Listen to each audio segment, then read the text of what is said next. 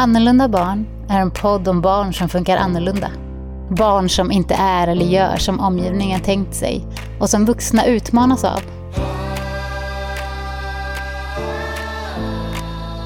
Den här podden är för dig som träffar de här barnen. Kanske är det dina egna, kanske är det andras. Oavsett så finns det sätt att tänka på och saker som kan vara bra att veta eller påminna sig om som gör både din egen och barnens tid här på jorden lite enklare att hantera.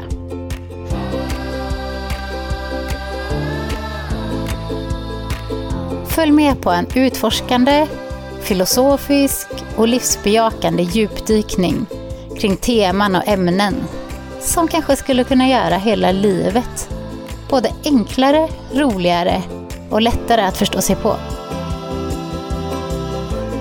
Välkommen till annorlunda barn.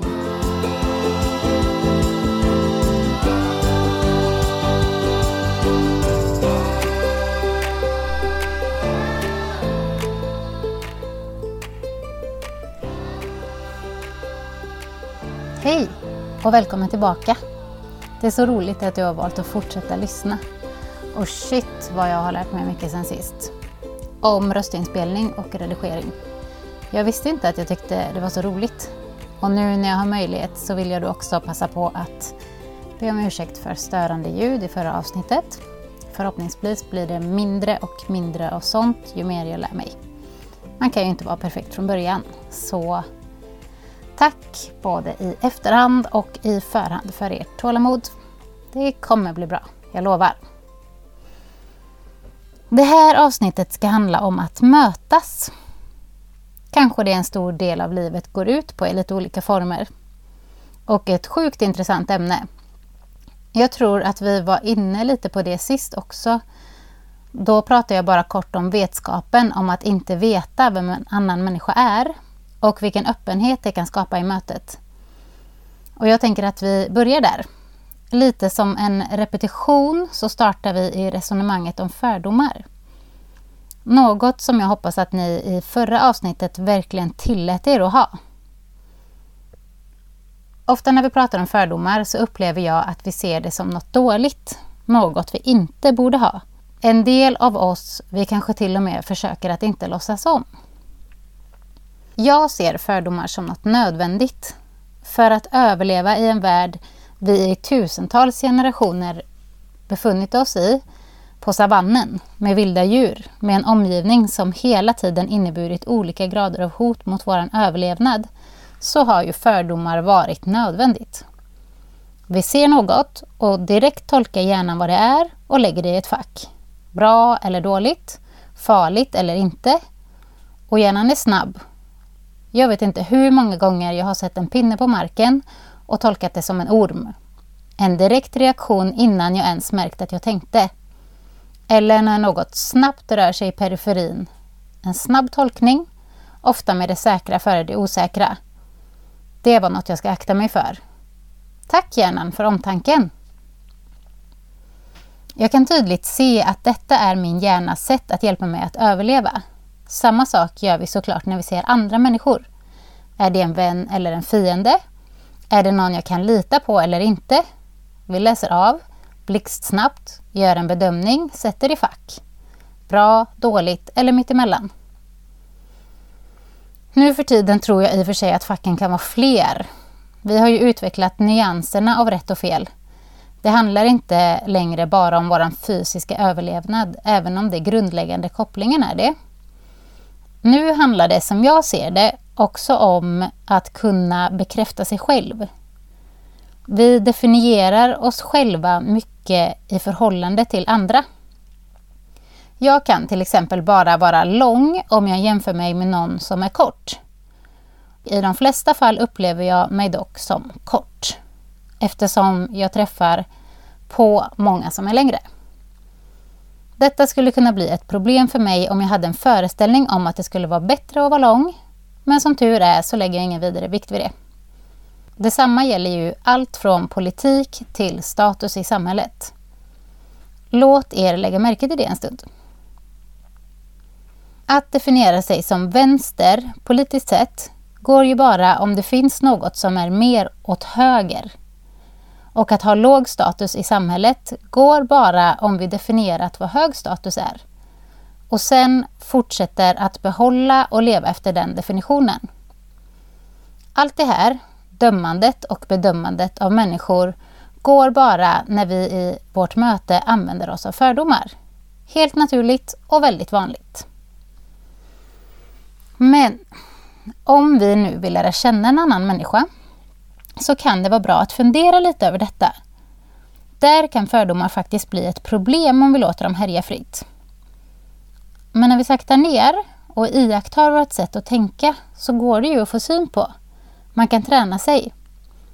Och precis som jag inte är poddexpert ännu så tar det tid att lära sig fånga sina tankar.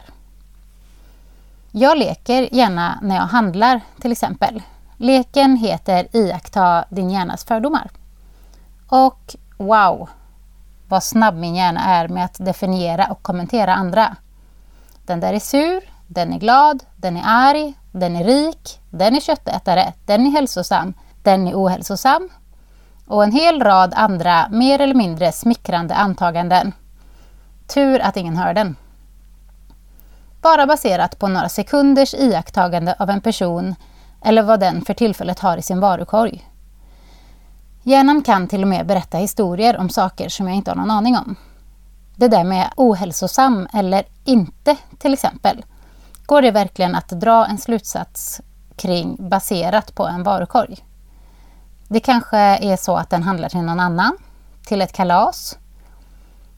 Den kanske är fanatisk gällande vad som är tillåtet att äta och dagligen lever med ångest kopplad till kost och utseende. Jag vet inte. Men oj vad många förslag min hjärna kommer med. Prova gärna det, det är intressant. Och en lek man kan göra helt i hemlighet. Och det är faktiskt inte så dumt att bekanta sig med hjärnans automatiska tankemönster. Tillbaka till möten.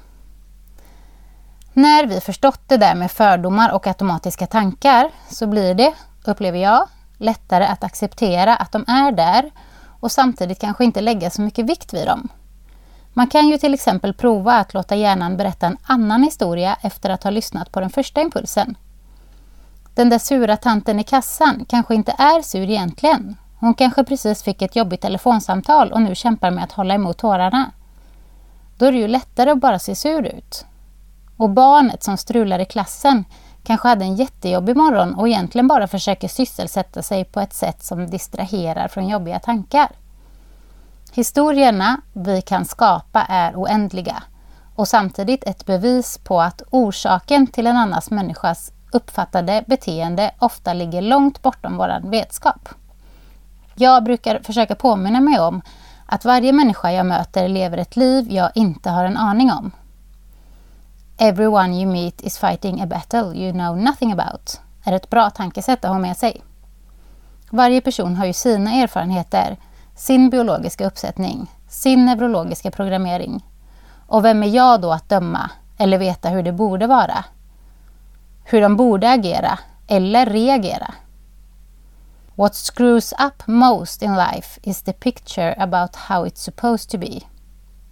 Nej, jag hade troligtvis inte agerat annorlunda i deras kläder med deras erfarenheter och deras sätt att fungera på. Jag tänker att ödmjukhet växer ur det här sättet att tänka på. Lyssnande växer ur det sättet att tänka på. Nyfikenhet växer ur det sättet att tänka på. Istället för att säga du gjorde fel så blir det hur blev det så här?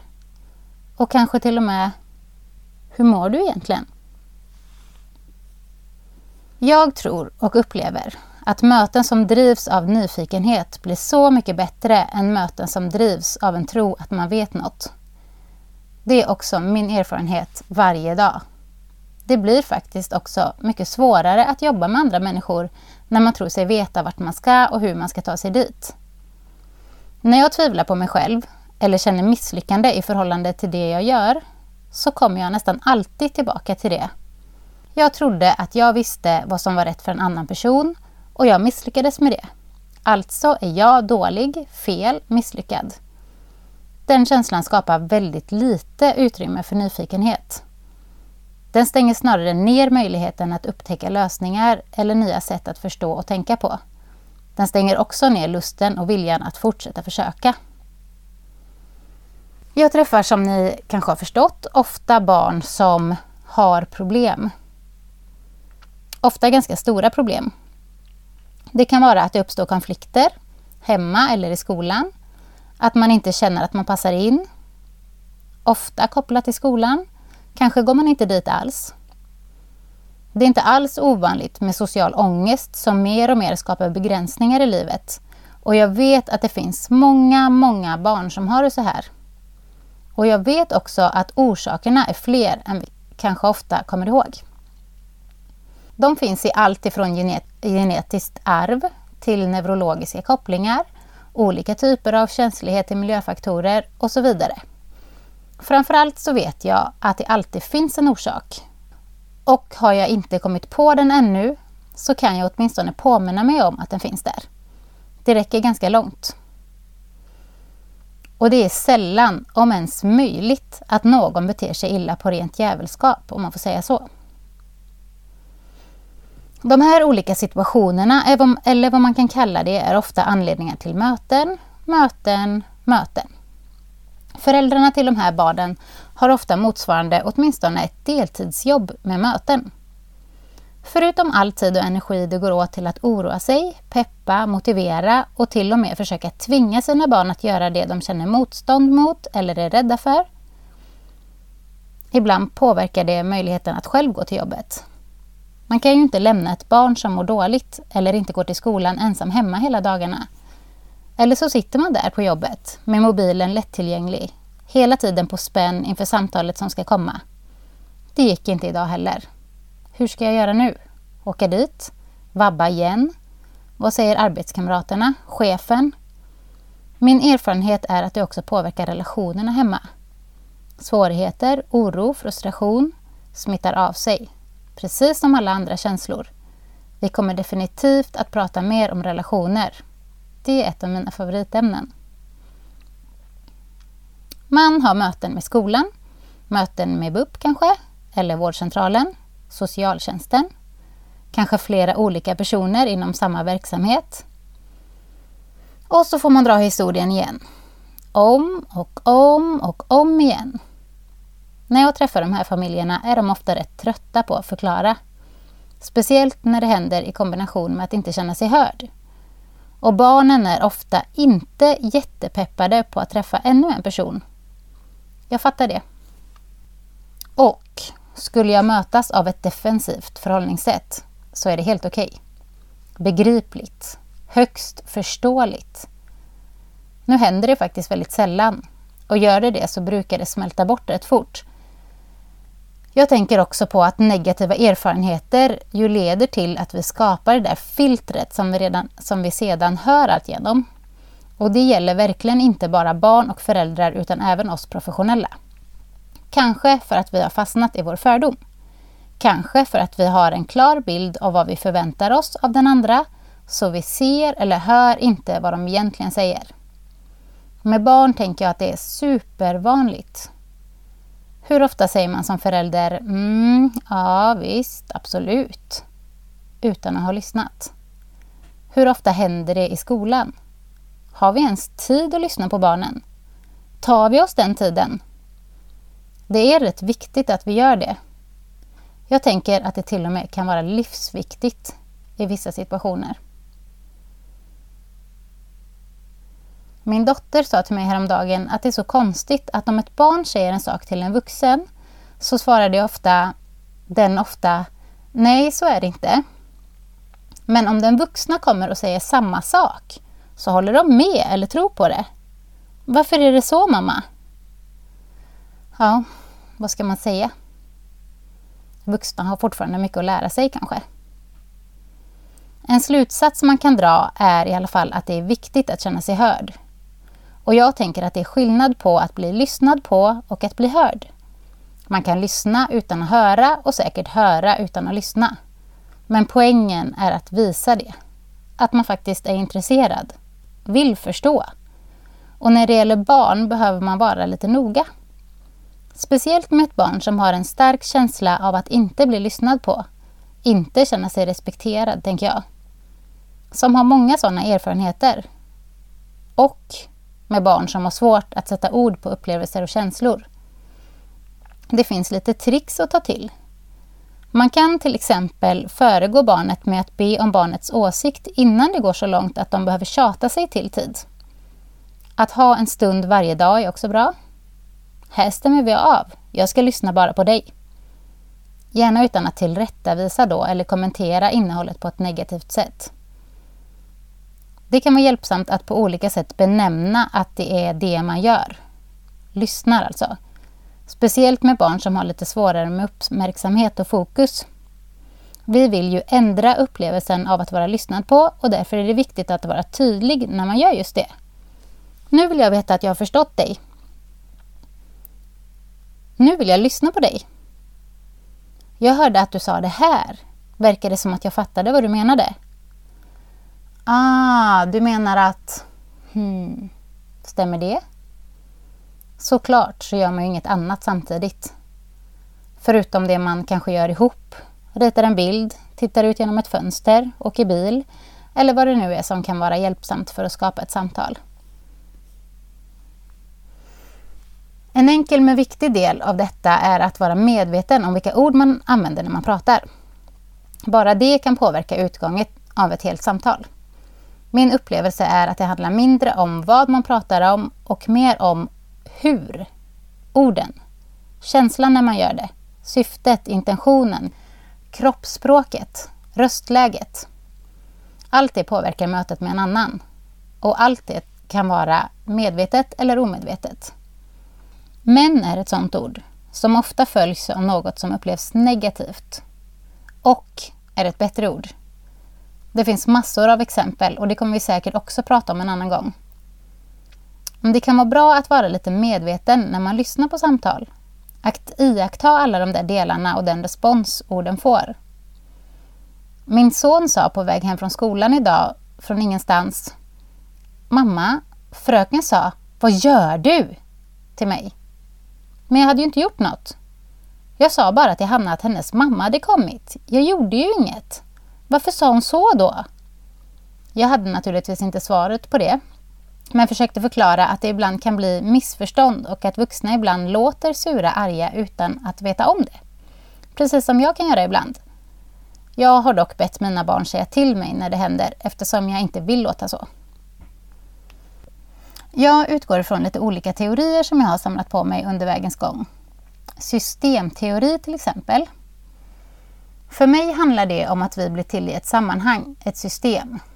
Igen ganska mycket också det där med orsak och verkan, maskinen som jag nämnde i förra avsnittet. Systemteori är bra att ha med sig när man ska mötas och samtala.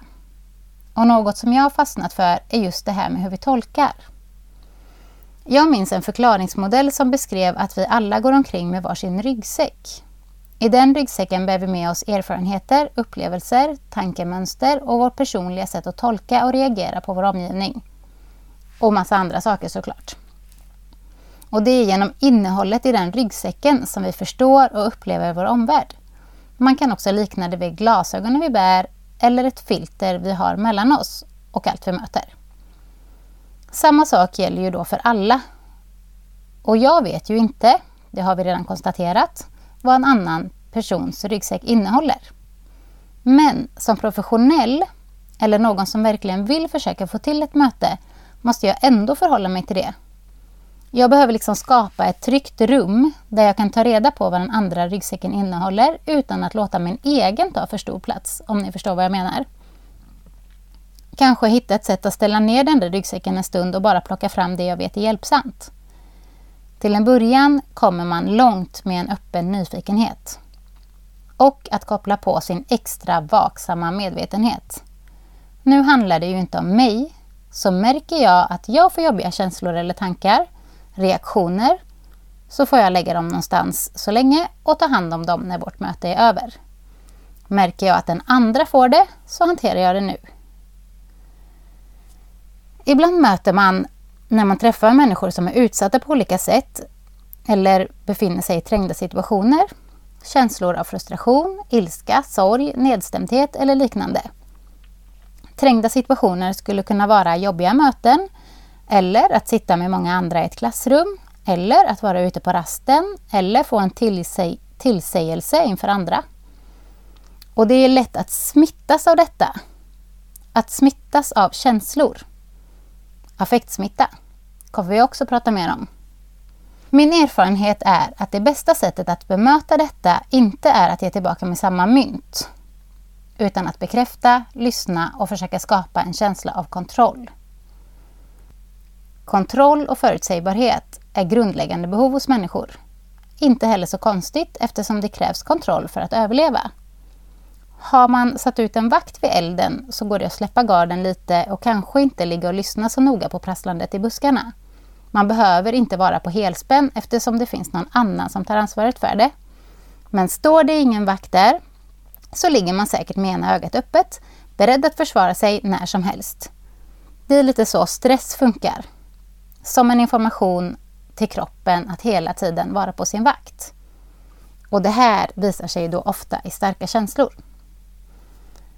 En annan grundläggande känsla eller reaktion som också kommer ur rädsla och försvar är den reaktionella känslan av att vilja ge igen, slå tillbaka, hämnas.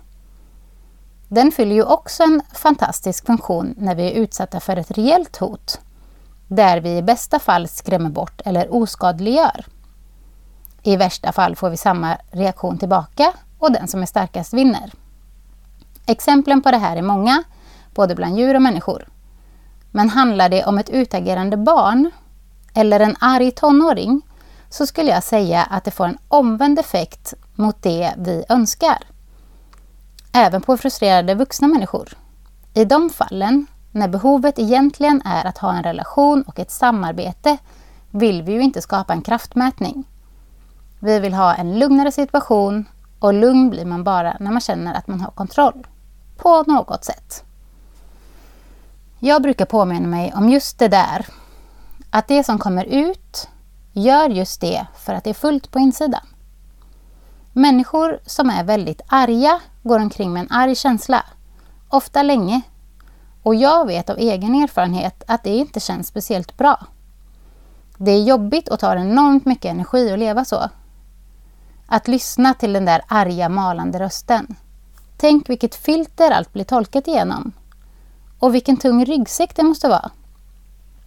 Med den vetskapen finns det ingen anledning för mig att lägga till mer ilska eller frustration. Ur den vetskapen växer snarare en omtanke. Oj, vad ont det måste göra att ha det så där. Jag tänker att det ofta grundar sig i en rädsla. Och en konsekvens i det läget är för mig helt onödig. Konsekvensen har liksom kommit redan i och med den jobbiga känslan. Och ofta, ofta med känslan av ånger efteråt.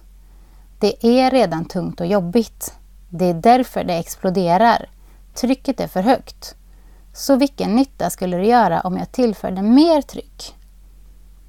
Utifrån allt det här, med känslor, reaktioner och utmanande beteenden, finns det något som jag tycker är en av nycklarna till att behålla ett medvetet handlande.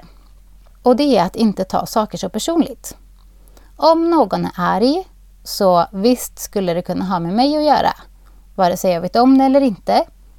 Men troligast är att de har en arg känsla, ett argt filter, eller så kan ju känslan vara ledsen. Jag tänker att ledsna barn ofta kan ses som arga barn på ytan. Och att deras upplevelse då filtreras genom detta. Jag vet själv hur det är och garanterat du med. Har jag en dålig morgon, stressad för något på jobbet, sovit dåligt, vad det nu kan vara, så blir jag en surare och mer lättirriterad mamma och en avvisande partner eller arbetskamrat. Irritationen inuti pyser liksom ut. Det har absolut ingenting att göra med vad mina barn eller någon annan gör eller säger. En annan dag hade jag reagerat helt annorlunda. Så när detta händer ber jag alltid om ursäkt. Helst samtidigt som det händer när jag fångar upp mig själv och får syn på mitt beteende. Jag brukar försöka vara tydlig till barnen med att det är inte ni, ni kan aldrig få mig på dåligt humör egentligen. Det gör jag fantastiskt bra helt själv. Det är en bra lärdom att göra som barn, tänker jag. Att låta andra ha sitt humör för sig själva. Men det är också ett annat avsnitt. Att inte ta saker personligt gör helt ärligt hela livet lättare. Och nu menar jag inte att vi ska gå omkring och skylla ifrån oss själva hela tiden. Eller på ett narcissistiskt sätt bara värja oss från andra genom att be dem ta ansvar för sina känslor själva. Eller tänka att vi kan bete oss hur som helst. Grejen är lite den att hittar man fungerande strategier för att må bra, minska sin stress och bjuda in mer glädje i sitt liv så finns det inget behov kvar av att vara nedvärderande eller missunnsam mot andra. Nej, precis som ilska pyser ut så gör kärlek och omtanke det också.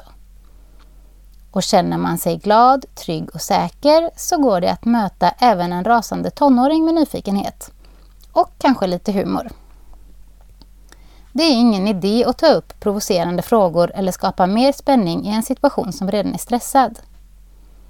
Jag har tidigare förklarat det med att jag vill kunna ha som en ström av omtanke, nyfikenhet, kärlek ut från mig. Som en liksom fors. En ström som är så stark att det negativa och onda liksom inte kommer in. Om inte annat så är det en fin bild och ett trevligt mål att ha. Eftersom jag själv är den som får vara, vara där mitt i strömmen. Hmm. Åh, vad många ämnen vi har benämnt idag som vi kommer prata om längre fram.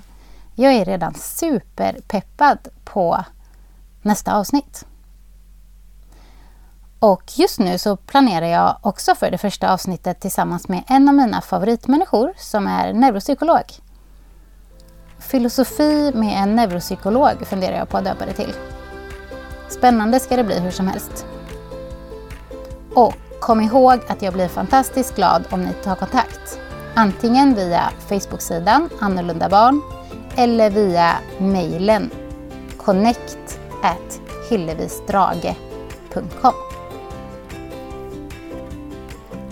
Ta hand om er nu alla vackra människor och se om ni kan hitta någon strategi för att få den här liksom eh, bubblande glädjen eller den här sköna lugna känslan att få lite mer plats. Och så ses vi förhoppningsvis i nästa avsnitt.